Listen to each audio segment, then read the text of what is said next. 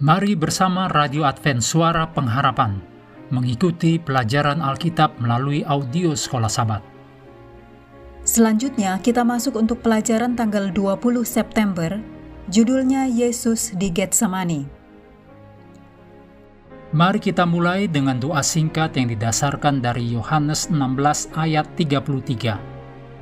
Dalam dunia kamu menderita penganiayaan, tetapi kuatkanlah hatimu. Aku telah mengalahkan dunia. Amin.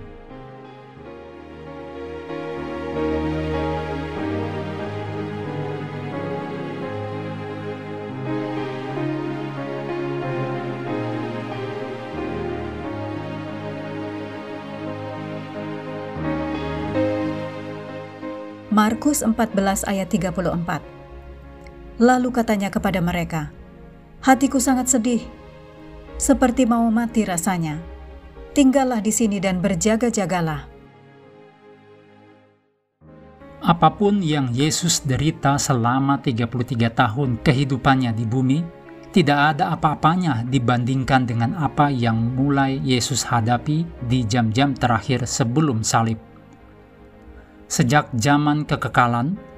Demikian dicatat dalam Efesus 1 ayat 1 sampai 4, 2 Timotius 1 ayat 8 dan 9, Titus 1 ayat 1 dan 2. Pengorbanan Yesus sebagai korban penghapus dosa dunia telah direncanakan dan sekarang semuanya akan selesai.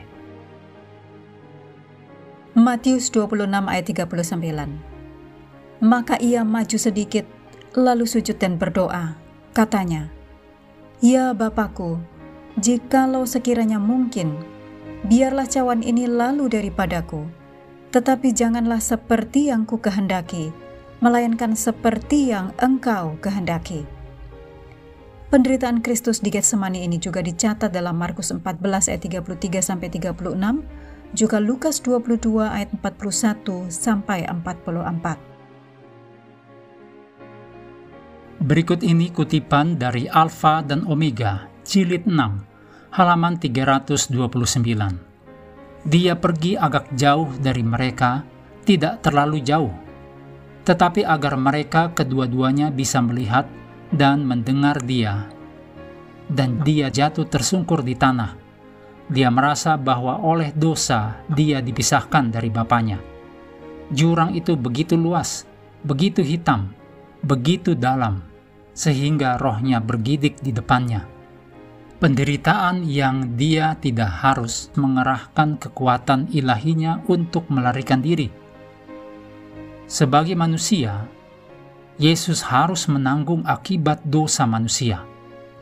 Sebagai manusia, Yesus harus menanggung murka Allah terhadap pelanggaran. Kristus kini sedang berdiri dalam sikap yang berbeda dengan sikap yang dalamnya ia pernah berdiri dahulu.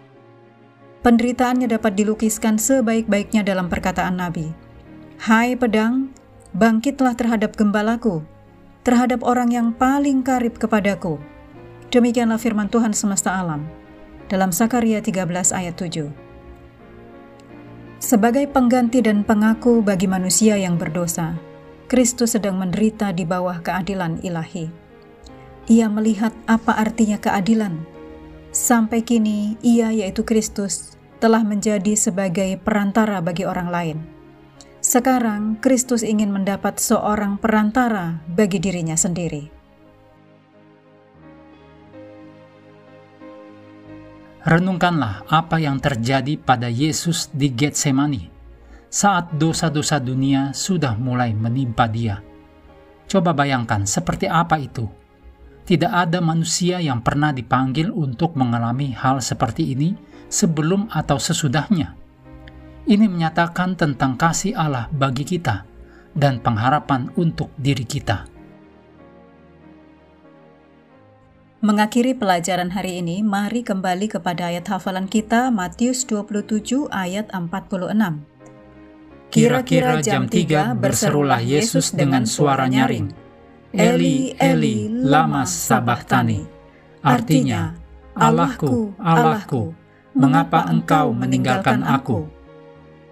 Hendaklah kita terus tekun mengambil waktu bersekutu dengan Tuhan setiap hari bersama dengan seluruh anggota keluarga, baik melalui renungan harian, pelajaran sekolah sahabat, juga bacaan Alkitab sedunia, percayalah kepada nabi-nabinya, yang untuk hari ini melanjutkan dari 1 Samuel pasal 14.